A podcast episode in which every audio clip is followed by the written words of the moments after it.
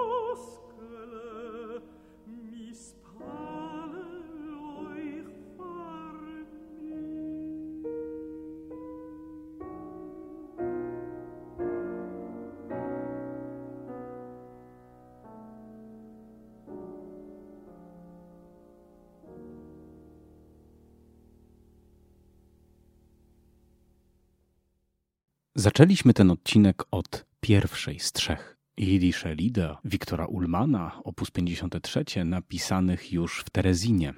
Ta pieśń nosiła tytuł Berioskele.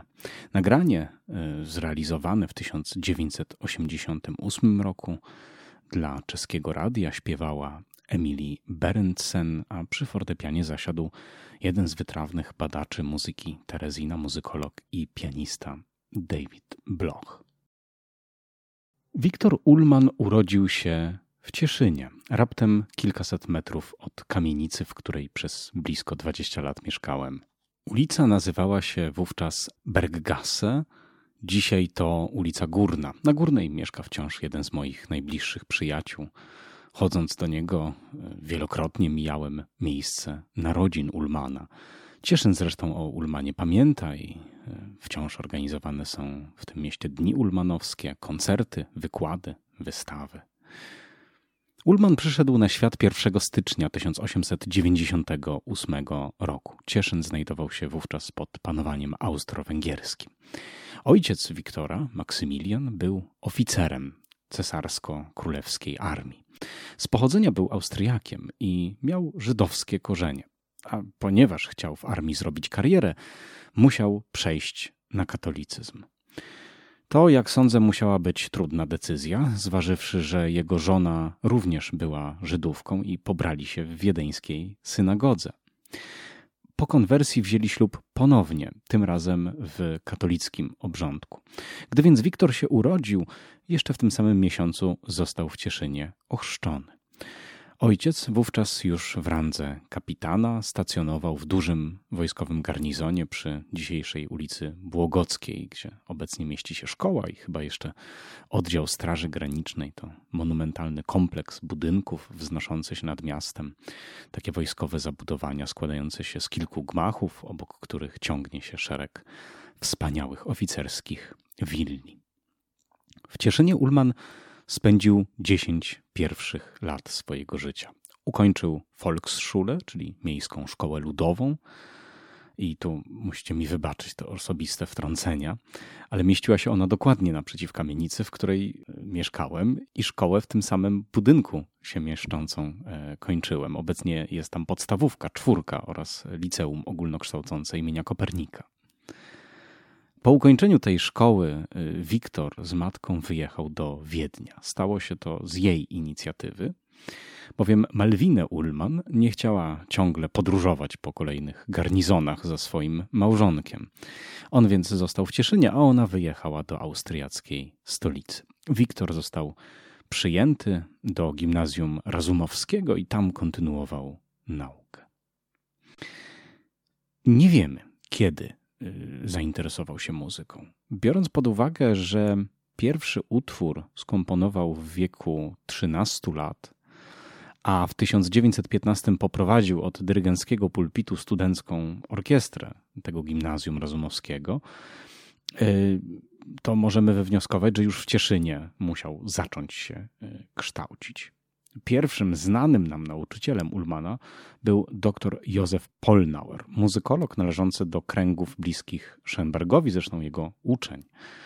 Mm, Polnauerowi Ulman zadedykował wariację i podwójną fugę opus 3a, no i stąd w zasadzie to nazwisko znamy. 4 maja 1916 roku Wiktor otrzymał dyplom ukończenia szkoły i to bez złożenia egzaminu końcowego. Egzaminy bowiem nie obowiązywały tych, którzy dobrowolnie zgłaszali się do wojska, a Ulman się zgłosił. Miał wówczas 18 lat, trwała pierwsza wojna światowa. O jego frontowych doświadczeniach wiemy bardzo niewiele. Wiadomo, że trafił na front włoski i że brał udział w walkach, ponieważ otrzymał srebrny medal za odwagę w roku 1917 i dosłużył się stopnia porucznika rezerwy.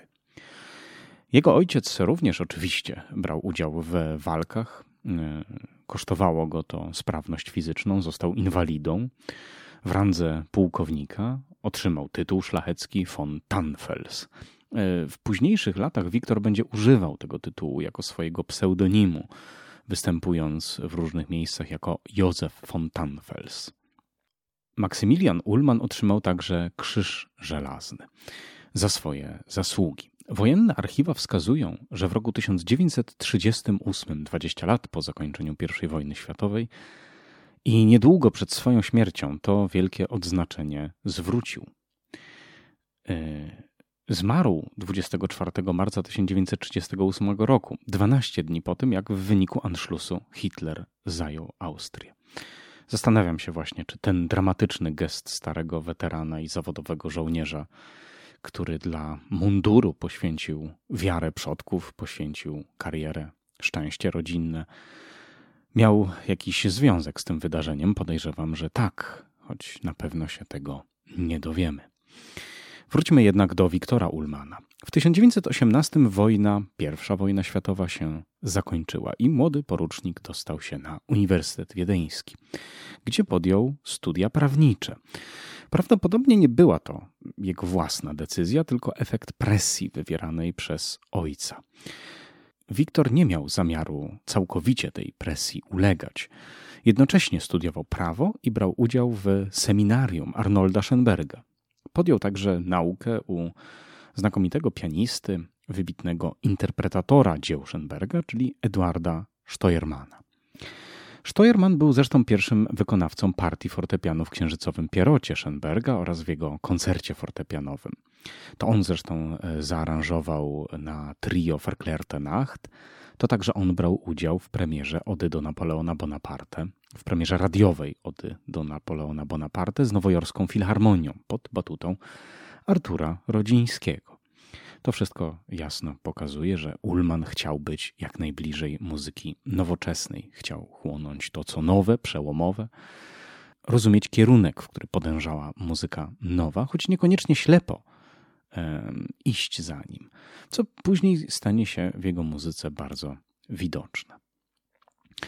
Prawdopodobnie podczas seminarium u Schoenberga Ullman poznał 24-letnią Martę Korew, studentkę teorii muzyki. Musiał być to w jego życiu czas bardzo intensywnej formacji intelektualnej, duchowej oraz podejmowania dla siebie kluczowych decyzji. W 1919 zdecydował się wystąpić z Kościoła katolickiego. Nieco ponad miesiąc później e, wziął z Martą ślub cywilny, a gdy seminarium Uschenberga dobiegło końca, wraz z końcem roku akademickiego, oboje postanowili wyprowadzić się do Pragi i tym samym zerwać wpływy E, i zerwać z tą presją z wpływami, które wywierał ojciec Wiktora. W Pradze Ullman obrał już kurs pod pełnymi żaglami na muzykę. Podjął naukę kompozycji u ucznia Heinricha Jaloweca. Do Wiednia jeździł nadal na nauki u Steuermana, a w końcu 1920 roku objął pierwszą muzyczną posadę w życiu szefa chóru i korepetytora solistów w praskim Teatrze Nowym, którego dyrektorem był Aleksander von Zemliński, swoją drogą szwagier Schönberga. Ponieważ ten wyposażył Ulmana e, w list polecający, zdobycie takiej posady było znacznie ułatwione. Czas praktyki u Zemlińskiego miał swoje dobre i złe strony. Dobre było to, że Ulman mnóstwo się nauczył o dyrygenturze, o pracy z zespołami, o całej mechanice przygotowania widowiska teatralnego, organizacji wydarzeń muzycznych. Z kolei złe było to, że owa nauka była na tyle absorbująca, że nie miał czasu na komponowanie. Jako dyrygent po raz pierwszy wystąpił 12 grudnia 1921 roku i poprowadził Bastien Bastien Mozarta a w kolejnym sezonie artystycznym mianowany został kapelmistrzem. Do komponowania wrócił dopiero w kolejnym roku. Oprócz m.in. pierwszego kwartetu smyczkowego popełnił jeszcze fantazję symfoniczną, oktet pieśni oraz muzykę do sztuki teatralnej Kreidekreis Klabunda. Sukces tego przedstawienia zapewnił mu posadę w miejscowości Ustina nad Labem, gdzie znajdował się teatr i była to posada wysoka, bo dyrektorska. I mimo tego sukcesu Ullman czuł, że no nie tędy droga, że brakuje mu czasu na tworzenie, że czuje się zanadto obciążony obowiązkami dyrektorskimi, organizacyjnymi. Wrócił więc do Pragi. W 1929 roku musiał mieć satysfakcję z powodu tej decyzji, ponieważ na trybunie kompozytorskiej, czy inaczej na Światowych Dniach Muzyki, e, tej corocznej wielkiej imprezie organizowanej przez Międzynarodowe Towarzystwo Muzyki Współczesnej, w Genewie była ta edycja w 1929 roku, zdobył pierwszą w życiu nagrodę za swoją kompozycję, właśnie za wariację na temat Schönberga. Na tym samym wydarzeniu zaproponowano mu rezydencję kompozytorską i dyrygencką w teatrze w Zurychu. To praktycznie również oznaczało bycie dyrektorem tego teatru. I choć Ullman miał za sobą niezbyt dobre doświadczenia z Ustinadlabem, to tę ofertę przyjął. No prawdopodobnie z powodu prestiżu tego miejsca. Na drodze muzycznej Ullmana nastąpił pewien kryzys. Podczas tego samego festiwalu, na którym został nagrodzony, wpadł on w krąg antropozofów, filozofów gromadzących się wokół Rudolfa Steinera.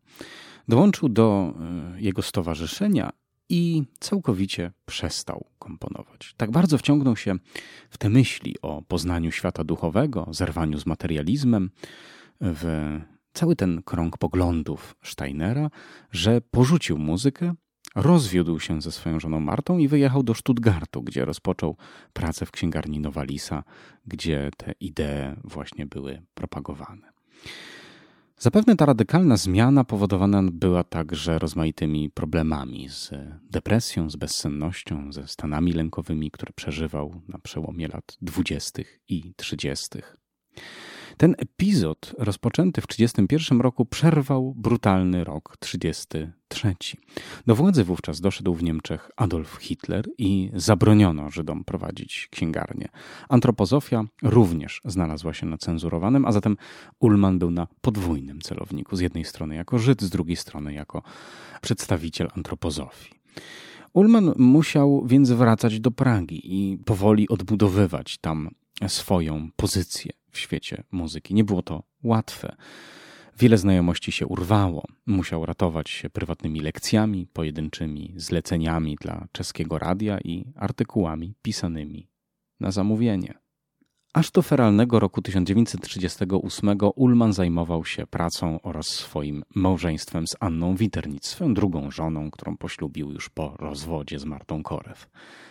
W połowie tego roku odbył ostatnią zagraniczną podróż do Londynu na właśnie Światowe Dni Muzyki, na tamten festiwal.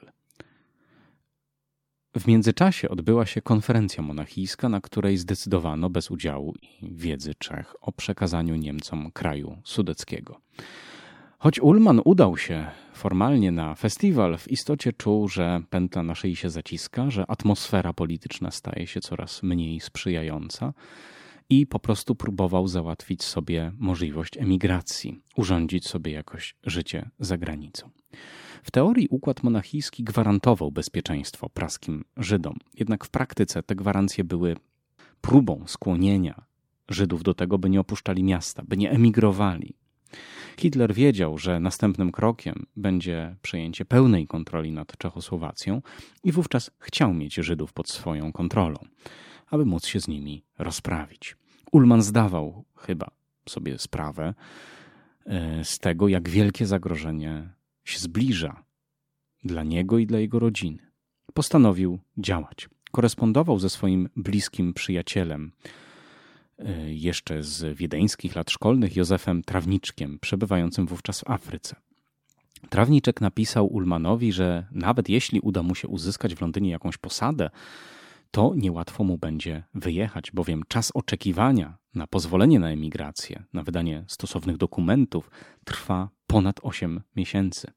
Jeśli nie jest się światowej sławy artystą reprezentowanym przez wielką agencję, prawdopodobieństwo otrzymania takiego pozwolenia jest bardzo, bardzo niewielkie. Swoją sytuację u samego początku zajęcia przez Niemców Czechosłowacji opisał Ulman w jednym z listów do trawniczka. Przed upadkiem wszystkiego moje pole działań było całkiem satysfakcjonujące. Byłem drugim redaktorem w Bohemii, a niebawem miałem zostać pierwszym, bo Schleisner został naczelnym porannej strony. Miałem swoich uczniów, kursy oraz wykłady. Teraz Bohemii już nie ma. Schleisner jest bezrobotny. Radio przestało u mnie cokolwiek zamawiać. Nie mogę wyjechać.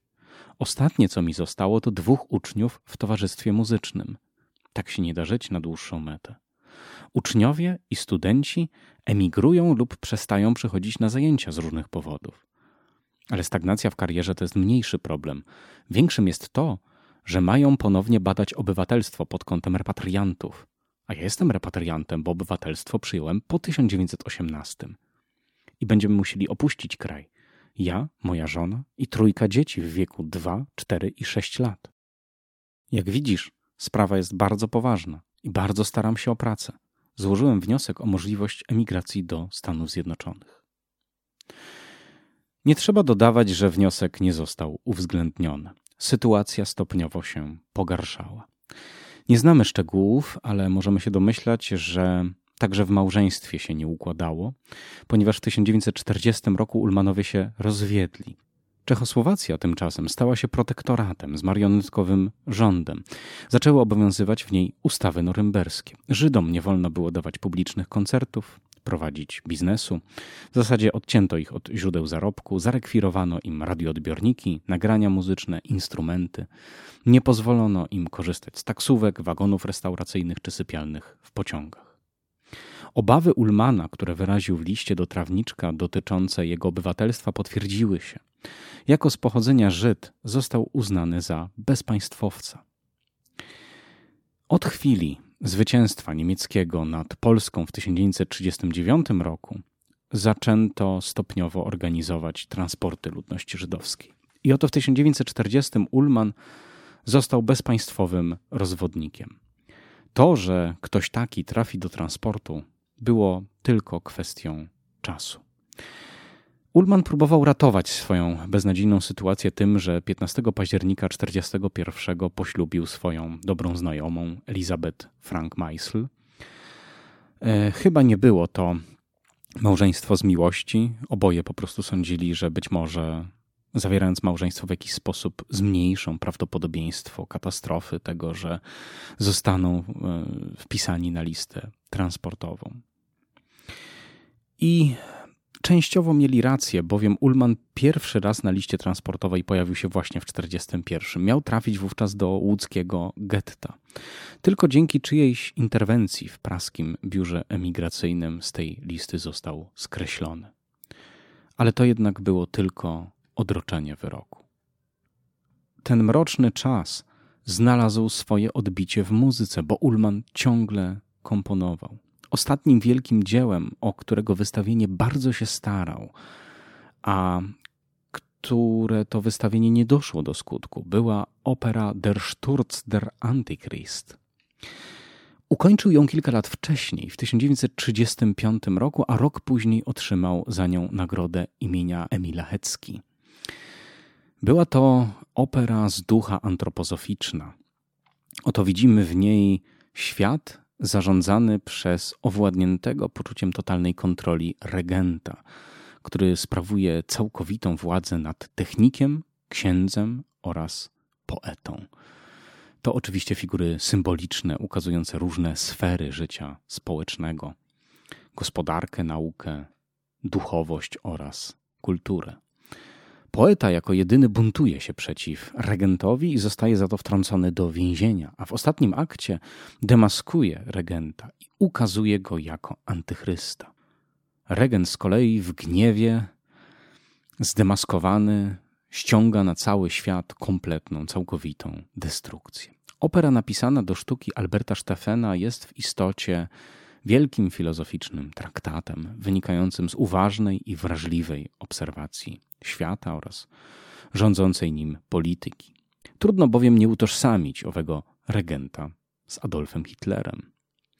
Dzięki niezawodnej wytwórni CPO, trudniącej się publikowaniem mało znanych dzieł, a i chyba żadnego repertuaru się nie obawiającej, mamy nagranie tego dzieła. Proponuję posłuchać dramatycznego fragmentu aktu pierwszego, w którym pada pytanie: Warum sind wir gefangen? Dlaczego zostaliśmy uwięzieni, schwytani?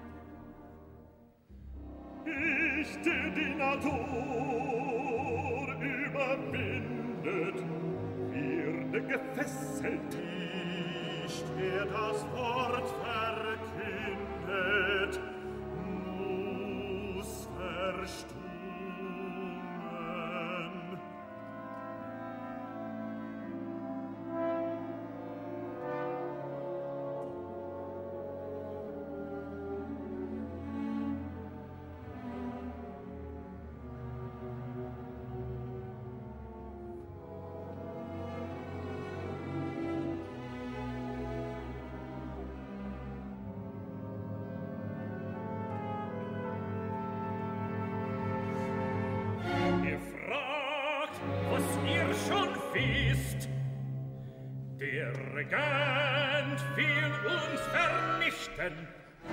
Nein, denn er braucht die Technik. Und er benutzt den Kultus. Er hat mein Können nötig und mein Gebet auf die Bewältigung der Erde kommt es an. Auf die Welt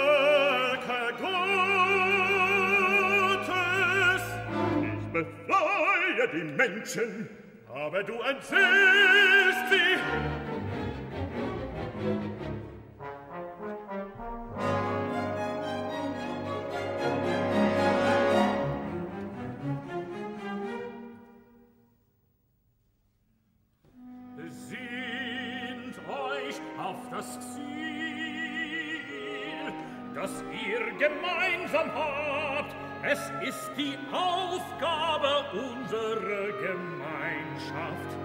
die Gegensätze zu besiegen, vermögen wir den Abgrund zwischen den Äußeren und dem Inneren Leben nicht zu überbrücken. So verfallen wir usurpator. Usurpator. Der regent das ist er nicht. Ich weiß er wurde über unsere lehre fälschlich unterrichtet und lässt uns frei sobald er aufgeklärt wird. Ihr kennt uns nicht. Und wir erkennen ihn.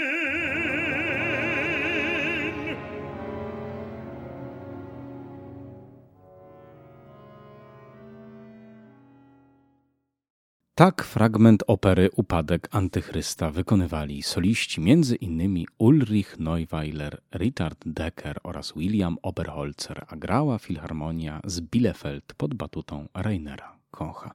Nagranie dla wytwórni CPO ukazało się w 2013 roku.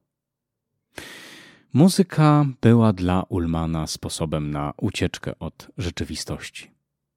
Choć wszystko wydawało się i było w rzeczywistości było przeciw niemu. A zagrożenie rosło z każdym dniem, intensywnie komponował. Ukończył koncert fortepianowy, rapsodię na orkiestrę i saksofon obligato, cykl pieśni, sonaty fortepianowe oraz operę Der zerbrochene Krug, czyli przerwany krąg. Wyrok zapadł jednak 8 sierpnia 1942 roku. Ullman, jego ówczesna żona, była żona, dwójka ich dzieci, a także pierwsza jego żona znaleźli się w liczącym 1995 osób transporcie do Terezina. Nie było z nimi pozostałej dwójki jego dzieci, Johanna i Felicji. Ich udało się wyprawić do Anglii w 1939 roku specjalnym rejsem ewakuacyjnym dla żydowskich dzieci. Wcale to jednak nie oznaczało niczego dobrego. Ich los okazał się tragiczny. Dzieci zostały po przybyciu do Anglii rozdzielone, trafiły do rodzin zastępczych. Felicja nigdy nie dowiedziała się, kto był jej ojcem i jaki los go spotkał. Johann, który dowiedział się o śmierci Ulmana w wieku 11 lat, nie udźwignął tej traumy i resztę życia spędził w różnych placówkach psychiatrycznych. Zmarł z powodu udaru w 2010 roku. Po przybyciu do Terezina Ulmana i jego ówczesną żonę rozdzielono. Zakwaterowany został w koszarach sudeckich. Baraki czy koszary w Terezinie nosiły swoje takie zwyczajowe nazwy magdeburskie, sudeckie, drezdeńskie itd. Tak Niemal od razu zaangażowany został do pracy w Freizeitgestaltung. W ciągu całego swojego pobytu w getcie skomponował ponad 20, liczy się, że około 25 utworów, pośród których były sonaty fortepianowe, kwartet smyczkowy, aranżacje pieśni żydowskich na chór, muzyka do sztuk teatralnych, a przede wszystkim opera Cesarz Atlantydy. Ale to nie wszystko. Ullman wygłaszał wykłady, m.in. o związkach Malera i Schoenberga, o kompozytorach współczesnych, o historii opery. Występował jako pianista, kierował założonym przez siebie studiem muzyki nowej, a także pisał recenzje oraz artykuły. Zachowało się 26 recenzji oraz dwa artykuły, dające spore wyobrażenie o kształcie życia muzycznego i kulturalnego w getcie. Dlatego właśnie w naszej podróży do getta, do piekła, jakim był Terezin, Wergiliuszem jest Ulman. I czytając niektóre z jego tekstów, poznamy mieszkańców getta. Sięgnijmy więc do tych artykułów, które pomogą nam odbyć tę podróż z Wiktorem Ulmanem i umożliwią nam spotkania. Jest przyjaciółką Beethovena, Schumana i Chopina. Od lat jesteśmy jej wdzięczni za wiele wspaniałych godzin, tu i wcześniej, przed Terezinem. Jej granie jest pozbawione zbędnych ozdobników, przejrzyste i intensywne. Ma momenty, a nawet całe ogniwa, wykonane z prawdziwą wielkością i geniuszem mistrza. Dla niej wykonanie, reprodukowanie to tak naprawdę ponowne tworzenie i utożsamienie się z dziełem oraz jego twórcą. Dlatego też jej wybitna technika i szerokie spektrum umiejętności tworzy prawdziwe muzyczne dzieło. Nie jest ona jednym z tych diabłów fortepianu, których wirtuozeria jest zarówno aktem egoizmu, jak i popisem dla samego popisu. Ma więcej ciepła niż blasku, więcej intymności niż brio. Jej granie znacząco się wyklarowało i rozwinęło przez ostatnie lata. Kiedyś bowiem nawet ta wspaniała artystka była temperamentną wirtuoską. Tak Wiktor Ullmann pisał o Alice Herz-Sommer, na której recitalu był w Terezinie. Grała między innymi Schumana, Beethovena, a także Smetanę, którego czeskimi tańcami program finiszowała. Kim była Alice Herz-Sommer? Urodziła się w Pradze jako jedno z pięciorga dzieci w muzycznej rodzinie. Jej brat był skrzypkiem, siostra pianistką. To u niej zresztą pobierała pierwsze lekcje muzyki. W salonie ich domu, w salonie domu Herców, odbywały się regularne koncerty. Bywali tam Mahler i Kafka. W tym, aby obrać drogę muzyczną, utwierdził ją Artur Schnabel, również gość tego salonu. Jej kariera rozwijała się znakomicie. W 1928 roku miała 25 lat i była już rozpoznawalną w Europie artystką. Życie wydawało się układać jak najlepiej, tak jak sobie wyobrażała. W 1931 poślubiła przystojnego skrzypka Leopolda Zomera. W 1937 urodził im się syn. No i zaledwie dwa lata później w Czechach zaczęły obowiązywać ustawy norymberskie.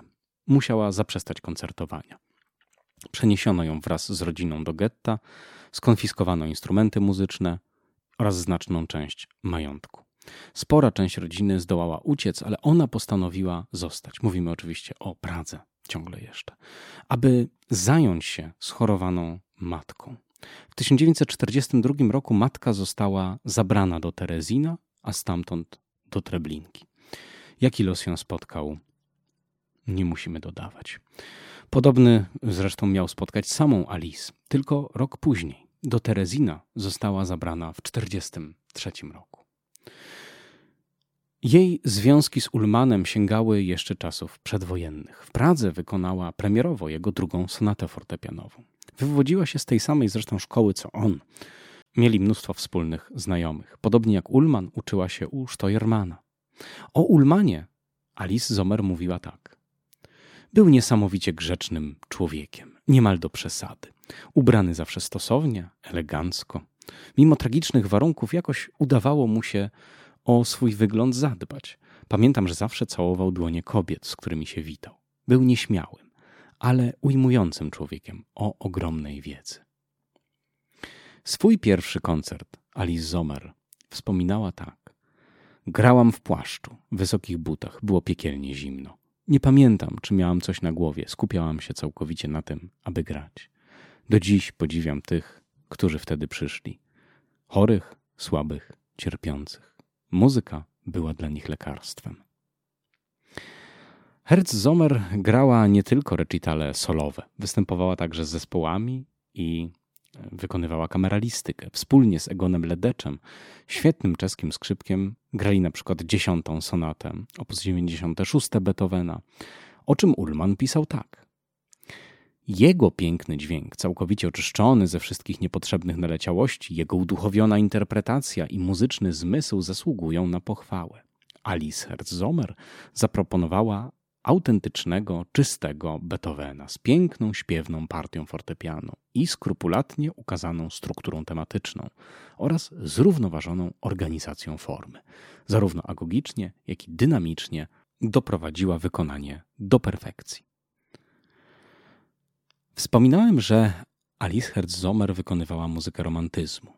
Jedną z najbardziej niewyobrażalnych rzeczy było to, że w tych trudnych warunkach getta dawała zapierający dech w piersiach i koszmarnie trudny recital, składający się ze wszystkich 24 etiud Chopina. Znała je na pamięć. Nauczyła się ich tuż po tym, jak jej matkę zabrano z transportem do Terezina. Ona osobiście odprowadzała ją na dworzec, gdy ją wywożono. Ostatni raz widziała tę swoją ukochaną, starszą, schorowaną kobietę, dla której zdecydowała się nie opuszczać miejsca stanowiącego dla niej śmiertelne zagrożenie. Ucieczką od rozpaczy była muzyka. Wtedy, w ciągu roku od pożegnania z matką, do wywózki do Terezina nauczyła się właśnie wszystkich etiud Chopina. Ullman był na jednym z recitali, na których wszystkie te etiudy zostały wykonane i wcale do takiego pomysłu nie odnosił się w swojej recenzji pozytywnie. Oto co napisał. Zagrać wszystkie to nie tylko fizyczne, ale i estetyczne ryzyko. W końcu są to etiudy, czyli utwory przeznaczone do ćwiczenia romantycznej techniki. Owszem, nadają się do grania na koncercie, podobnie jak etiudy Debussy'ego, ale nie ma żadnego uzasadnienia, aby grać je wszystkie jednego wieczora, jakby były jednym dziełem składającym się z wewnętrznie powiązanych części. Nie są. Zagrać dwie, trzy, sześć, nawet dwanaście w porządku, ale wszystkie? Nawet jeśli najbardziej błyskotliwie je poukładać, monotonia jest nieunikniona. Mimo to Ullman podkreślił, że część etiud Alice Herzomer wykonała w sposób rewelacyjny. Szczególnie wymienia tu Esmol oraz Cismol. Z kolei Edur podobno grała z jazzową fantazją. Alice Herzomer przeżyła Terezin.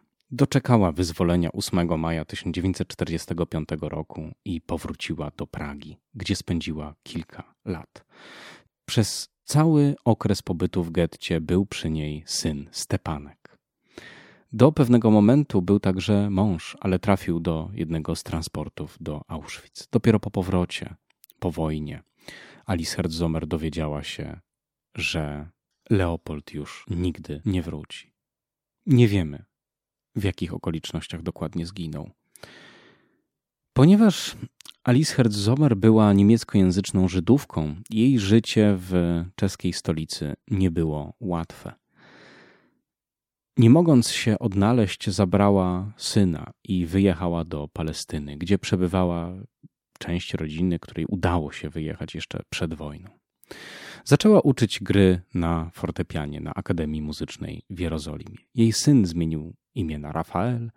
Z czasem później wyjechał do Londynu. Był wiolonczelistą. Po blisko 40 latach nauczania Alice Herzomer przeszła na emeryturę i dołączyła do niego, przeprowadzając się do Wielkiej Brytanii. I przeżyła go. Jej syn zmarł na zawał w wieku 64 lat w 2001 roku. Ona zaś przeżyła kolejnych 13 lat. Była najstarszą żyjącą ocaloną z Holokaustu. Zmarła w 2014 roku w wieku 110 lat. Życie to dar, mówiła. Powstały o niej książki, filmy dokumentalne, audycje radiowe. Do samego końca grała na fortepianie, ćwiczyła po kilka godzin dziennie.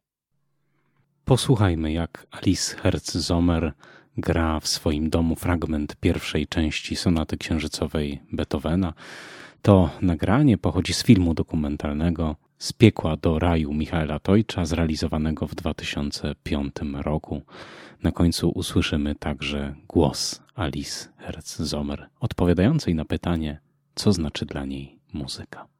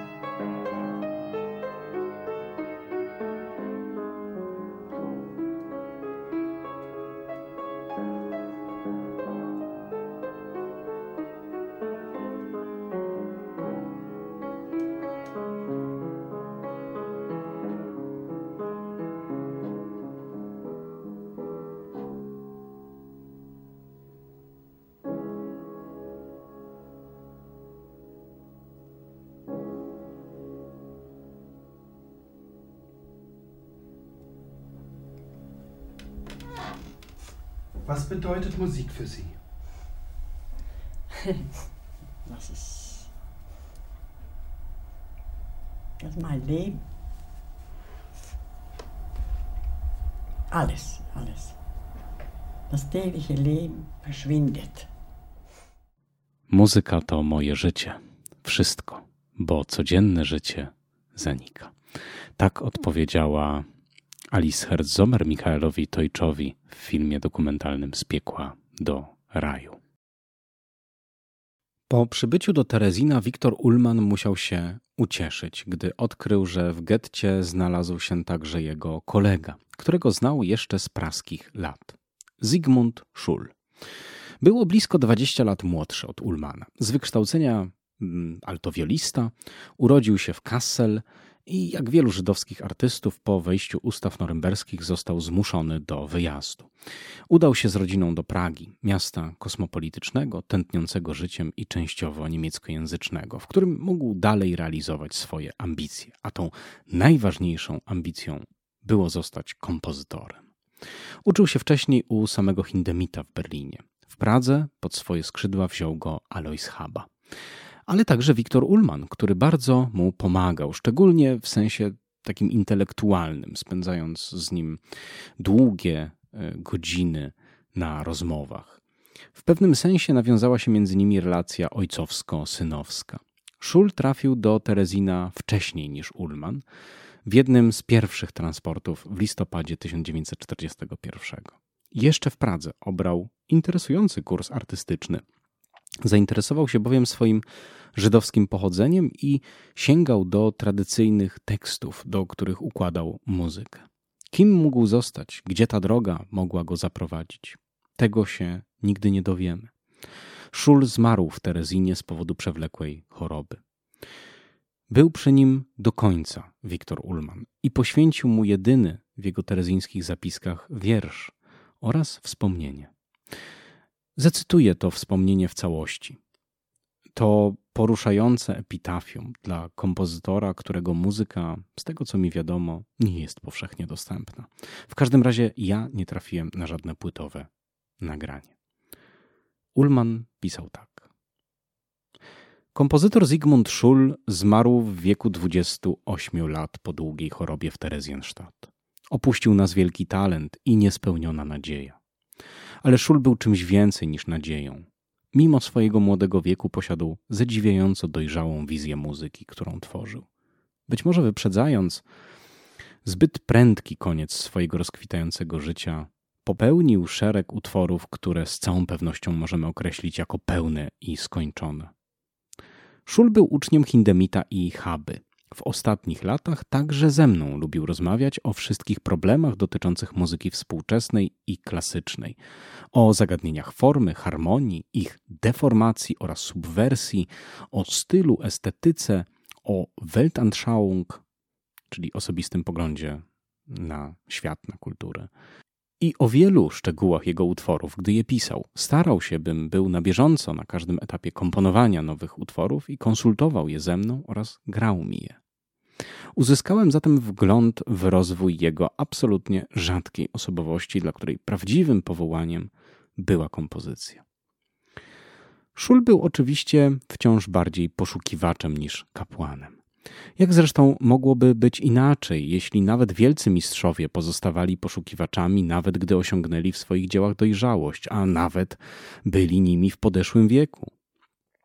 Szul początkowo był bliski ekspresjonistom. Jego ideał najlepiej ukazywałaby pewnie twórczość Albana Berga. Adepci wiedzą o co chodzi. Berg oznacza najwyższy stopień poszanowania i odpowiedzialności za wartości, jakie niesie ze sobą dawna muzyka oraz dla osiągnięć nowej muzyki, czyli samodyscypliny, zachowania uduchowionego ciepła i namiętności, która płynie w jego muzyce zapewne z y, samego romantyzmu, ale także oznacza zrównoważenie tej emocji polifonią i konstrukcją, osiąganie symetrii między uczuciem a myślą. Były dzieła, w których Szul zbliżał się do tego ideału, choć nie rozwiązał problemów pojawiających się nadal w dziełach Berga.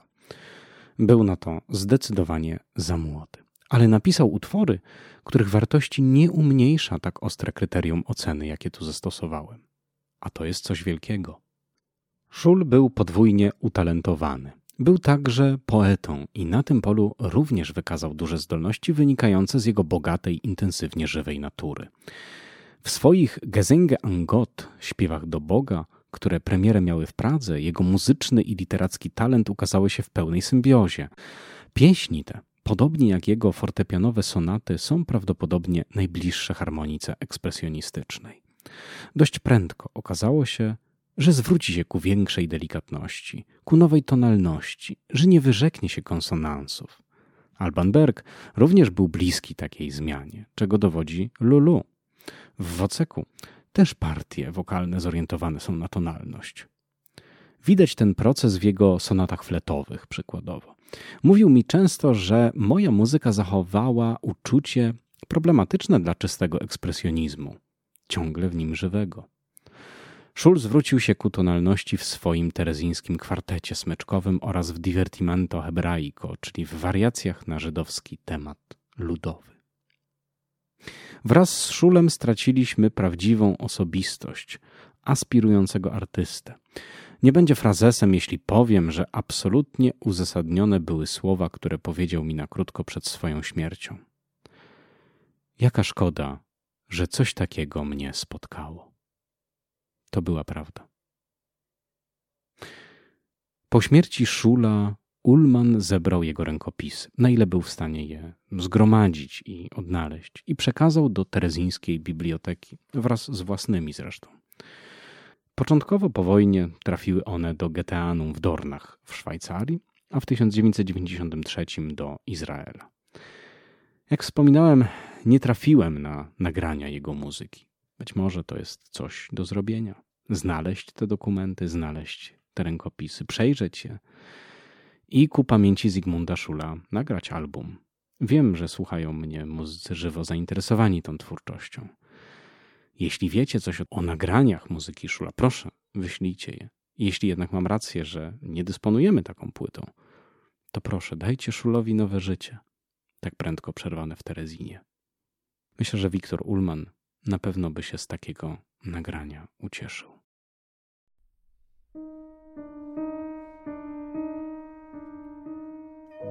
muss mich rühren, alten Tür.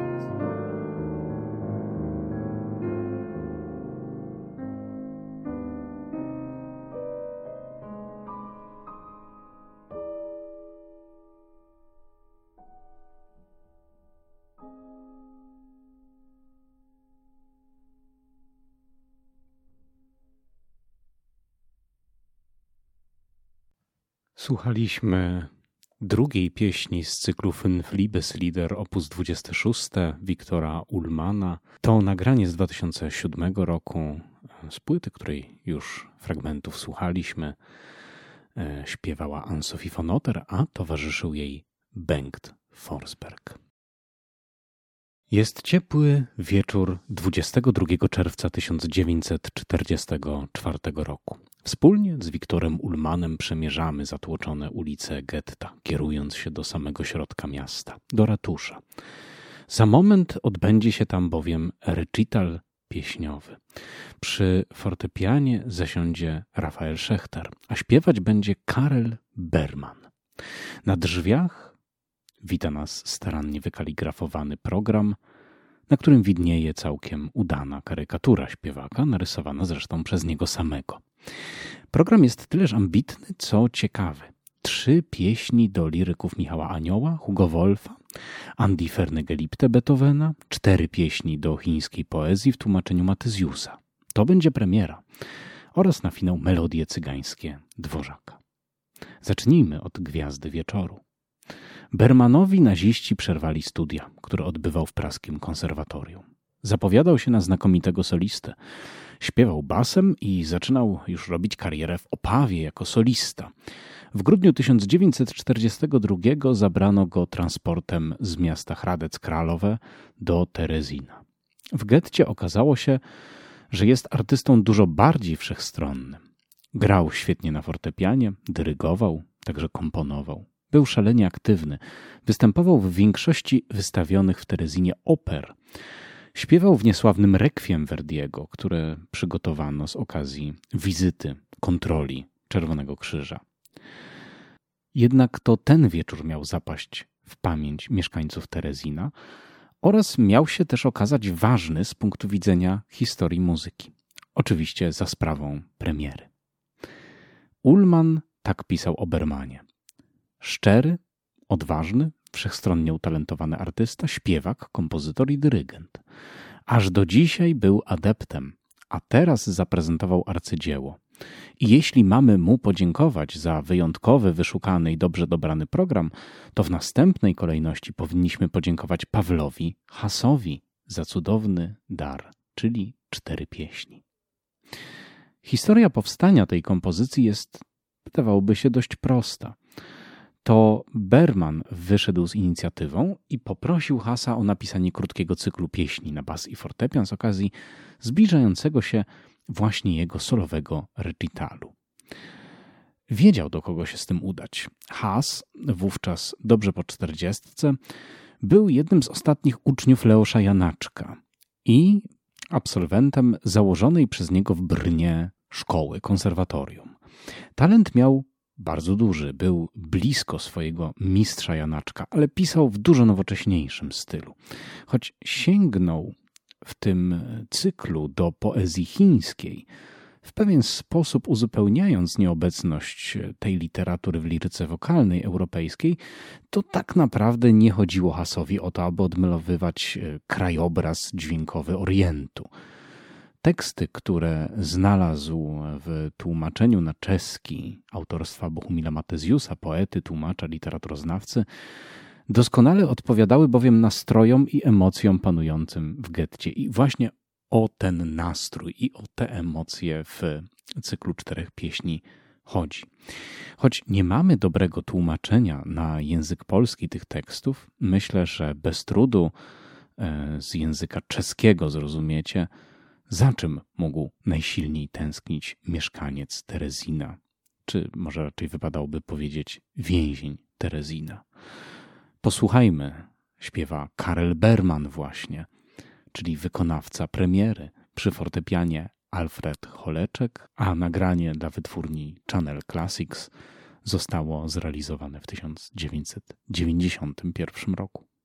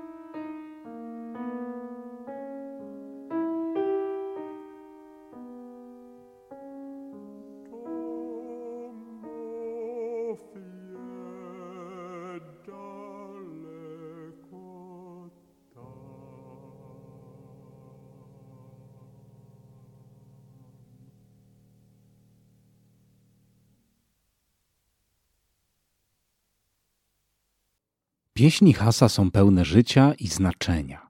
Kto raz je usłyszy, nie będzie mógł dłużej bez nich żyć.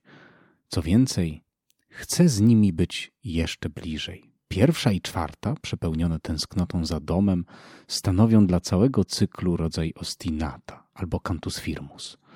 Są jednocześnie naturalne i jak najbardziej nowoczesne. Stylistycznie są zbyt osobiste, aby można było hasa po prostu zapisać do szkoły Janaczka, choć oblicze wielkiego lwa majaczy w oddali. Tęsknota musiała być jednym z najsilniejszych uczuć, które pulsowały w hasie. Cztery pieśni, jedna z trzech zachowanych jego kompozycji z Terezina, wyraża ogrom tęsknoty za żoną i córką. Has nie miał tyle szczęścia co Alice Herzomer, której mąż i syn zostali zabrani razem z nią. Co więcej, aby ratować rodzinę, Has rozwiódł się z żoną. Po przybyciu do Terezina był w rozpaczy. Nie chciał brać udziału w jego życiu kulturalnym. I człowiekiem, który skłonił go do tego, był dopiero Gideon Klein, o którym mówiłem w pierwszej części. Emocje niesione przez tę muzykę musiały dobrze trafić do słuchaczy. Choć premiera odbyła się dopiero w 1944 roku, to program powtarzany był około 20 razy. Za każdym razem z Bermanem w roli wykonawcy. Co zaś stało się z kompozytorem, to wiemy również dzięki Bermanowi. Haas został zabrany w jednym z transportów do Auschwitz. Jechał razem z jednym z największych czeskich dyrygentów, o którym więcej opowiem w kolejnym odcinku, z Karelem Anczerlem, również więzionym w Terezinie. Gdy na rampie w Auschwitz stali w kolejce do selekcji, obaj mieli nadzieję, że zostaną skierowani do obozu, do pracy. Byli no, w nie najgorszej, powiedzmy, kondycji fizycznej, na pewno lepszej niż więźniowie Oświęcimia. I w przypadku Anczerla to się udało ale prawdopodobnie z nerwów albo z jakiegokolwiek innego powodu Has doznał napadu kaszlu. I ten napad kosztował go życie. Został skierowany do komory gazowej. Berman niedługo później podążył w tym samym kierunku. Wraz z dwoma tysiącami siedemnastoma więźniami z Terezina został przetransportowany do Oświęcimia. Z całego tego transportu przeżyło tylko pięć osób w tym właśnie on, Karel Berman. Po kilku zaledwie dniach pobytu w piekle trafił do obozu przejściowego w Kauferingu, filii Dachau. Przetrwał Marsz Śmierci i został wyzwolony przez armię amerykańską w maju 1945. Następnie wrócił do Pragi i dokończył studia. Uzyskał dyplom ze śpiewu oraz z reżyserii operowej. Uczył, i reżyserował. Spod jego ręki wyszło ponad 70 spektakli. Podróżował po całym świecie, występował, dokonywał nagrań. Dbał także o pamięć Hasa, włączając napisany dla siebie cykl czterech pieśni do swoich recitali. Wykonywał go w zasadzie przez całe życie do najpóźniejszych lat. Zmarł w 1995 roku w Pradze. Gdy byłem w magdeburskich barakach, gdzie znajduje się obecnie Muzeum Getta, zwróciłem uwagę na niewielką broszurę, ręcznie zapisaną, zeszycik nutowy. Wystawiony był w pokoju poświęconym właśnie terezyńskim muzykom. Widnieje na nim tytuł Viktor Ullmann, Kaiser von Atlantis oder die Todverweigerung, czyli cesarz Atlantydy albo nieposłuszeństwo śmierci. Ten zeszycik wydawał mi się znajomy.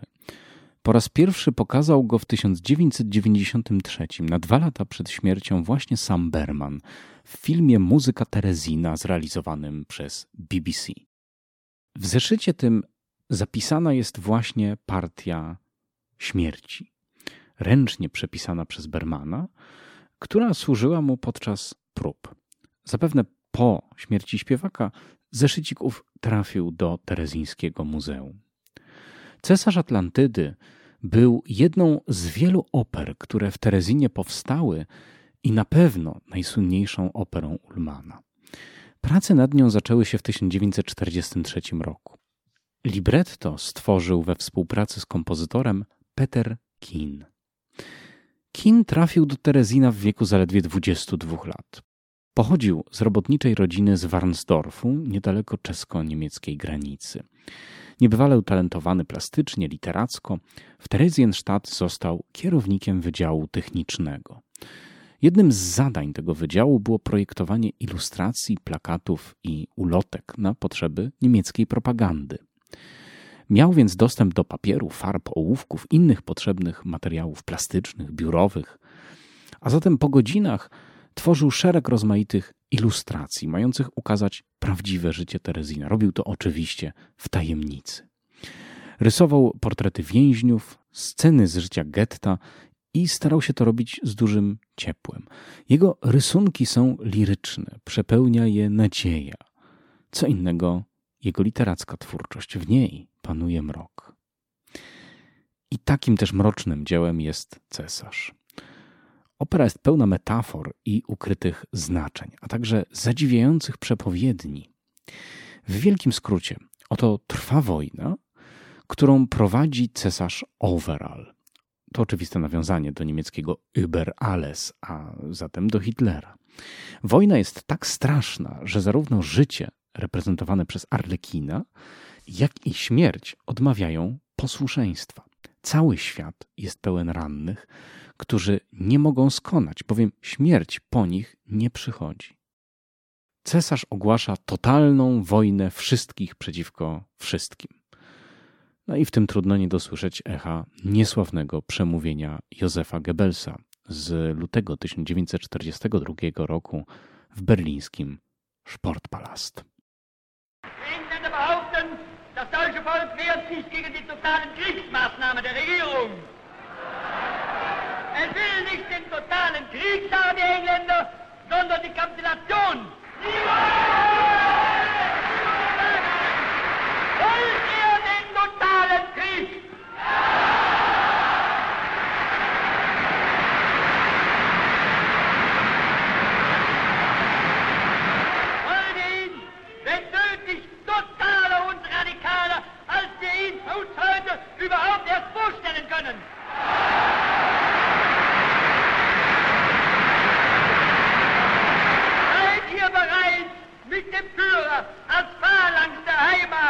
hinter der kämpfenden Wehrmacht stehen, diesen Kampf mit wilder Entschlossenheit und unbeirrt durch alle Schicksalsfügen uns fortzusetzen, bis der Sieg in unseren Händen ist.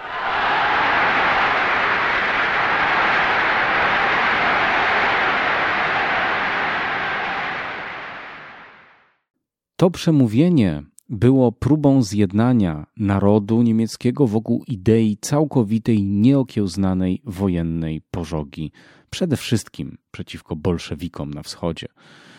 I przyszło jako efekt klęski pod Stalingradem. Co ważne, w trwającej 108 minut mowie niemal, prawie pada słowo Ausrotten, czyli eksterminacja w stosunku do Żydów. Dokładnie to samo słowo, którego użył Himmler w grudniu 1941 roku w rozmowie z Hitlerem w Wilczym Szańcu i którego efektem była konferencja w Wannsee, a następnie mordercze transporty do komór gazowych Oświęcimia i innych obozów, a także stworzenie Terezina, stworzenie tego specjalnego getta w Terezinie. Wróćmy do cesarza. Oto w operze padają z głośnika, za pomocą którego cesarz rozmawia, komunikuje się ze światem. To też nawiązanie do Hitlera przebywającego w Berlinie. informacja o oblężeniu jednego z miast przez wrogie wojska i o tym, że tysiące ofiar nie mogą zaznać ukojenia, bo nikt nie umiera. Cesarz wydaje edykt o tym, że w takim razie nikt nie musi umierać, ogłasza edykt o życiu wiecznym, ponieważ każdy będzie walczył za cesarza i za ojczyznę do końca świata o jeden dzień dłużej. Jak się jednak okazuje, żołnierz to kolejna metaforyczna, alegoryczna figura wcale jednak nie ma zamiaru tego robić i woli kochać się z dziewczyną, niż dalej walczyć. W ostatnich scenach cesarz szaleje z powodu powstania, które wybuchło w jednym z miast. I tu znowu coś niezwykłego, ponieważ dzieło zostało ukończone 13 stycznia 1944 roku, a więc na blisko 8 miesięcy przed wybuchem powstania warszawskiego. Oczywiście być może Ullman miał tutaj na myśli także powstanie w getcie, które wybuchło wcześniej. Czy jednak miał o nim jakieś informacje? Tego nie wiemy. Nie mogąc zwyciężyć, wściekły cesarz bełkocze coś o milionach armat, które zmiotą wroga z powierzchni ziemi. A to z kolei wydaje się być nawiązaniem do koncepcji Wunderwaffe. Śmierć wreszcie, widząc tę katastrofę, zgadza się wrócić do pracy, ale tylko pod warunkiem, że jej pierwszą ofiarą stanie się właśnie cesarz. Posłuchajmy prologu do tego dzieła prologu ułożonego w stylu właśnie alegorycznego teatru. Szczególnie warto zwrócić uwagę na początkowe dźwięki. U Ulmana nie ma bowiem niczego przypadkowego. Nagranie live z Prince Regenten Theater w Monachium 10 października 2021 roku. Gra monachijska orkiestra radiowa, śpiewa Lars Volt, a dyryguje Patrick Hahn.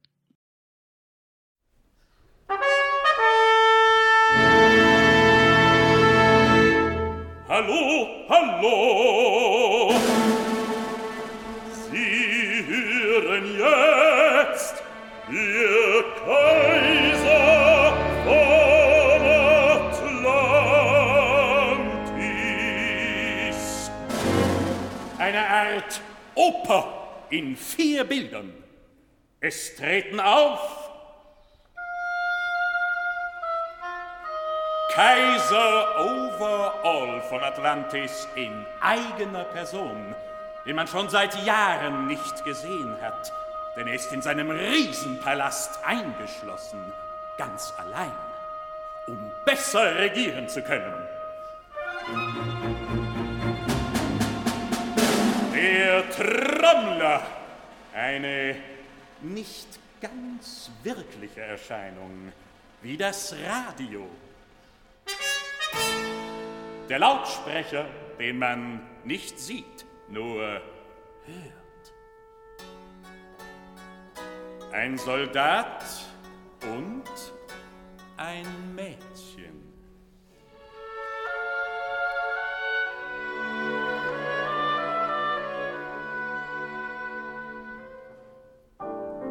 Der Tod als ein abgedankter Soldat und Harlekin, der unter Tränen lachen kann. Das ist das Leben. Das erste Bild spielt irgendwo. Tod und Harlekin sitzen im Ausgedinge. Das Leben, das nicht mehr lachen und das Sterben, das nicht mehr weinen kann. In einer Welt, die verlernt hat, am Leben sich zu freuen und des Todes sterben zu lassen. Hallo, hallo!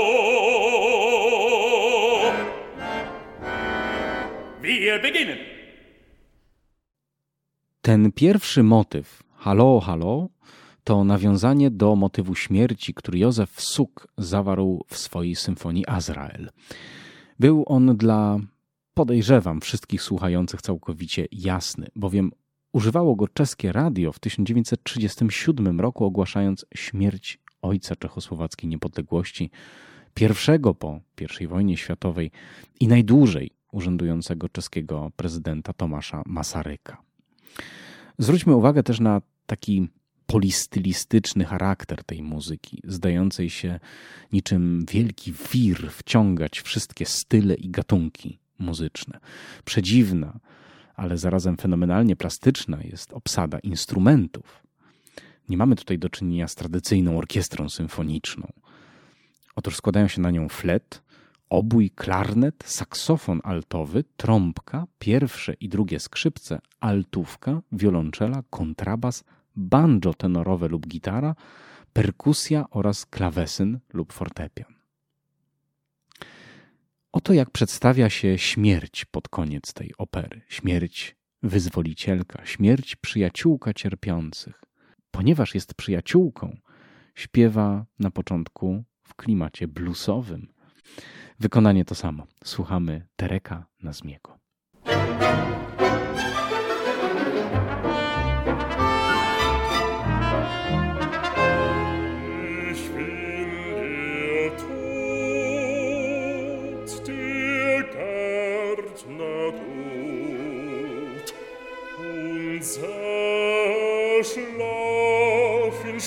geflügte Spur.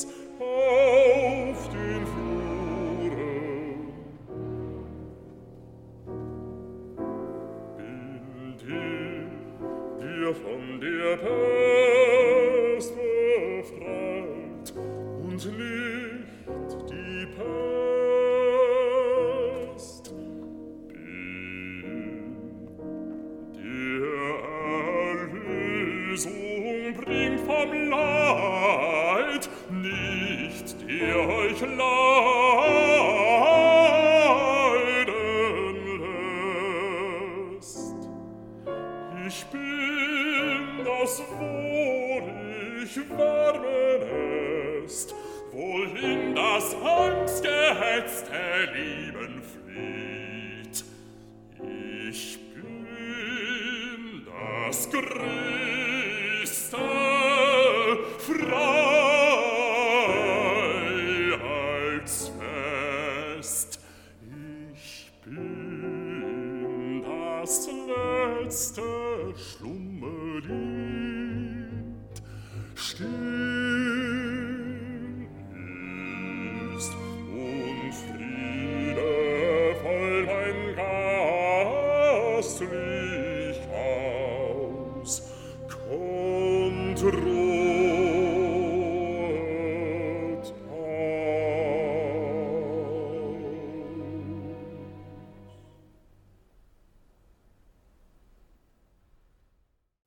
Jeszcze jeden przykład nawiązania i aluzji. W operze występuje także postać Dobosza, będącego alegorią propagandy i urzędu Goebbelsa.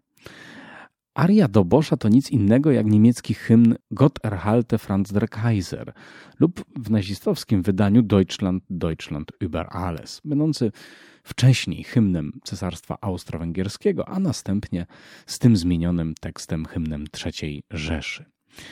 Jest on sprawnie w muzyce zakamuflowany. Ma zmienioną rytmikę i tryb.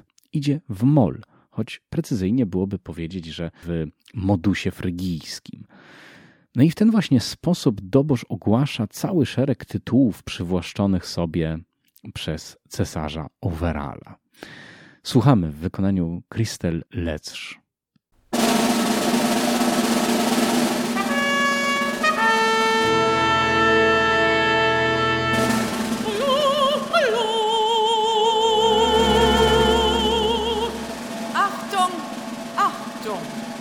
Im Namen seiner Majestät, des Kaisers overall. Viel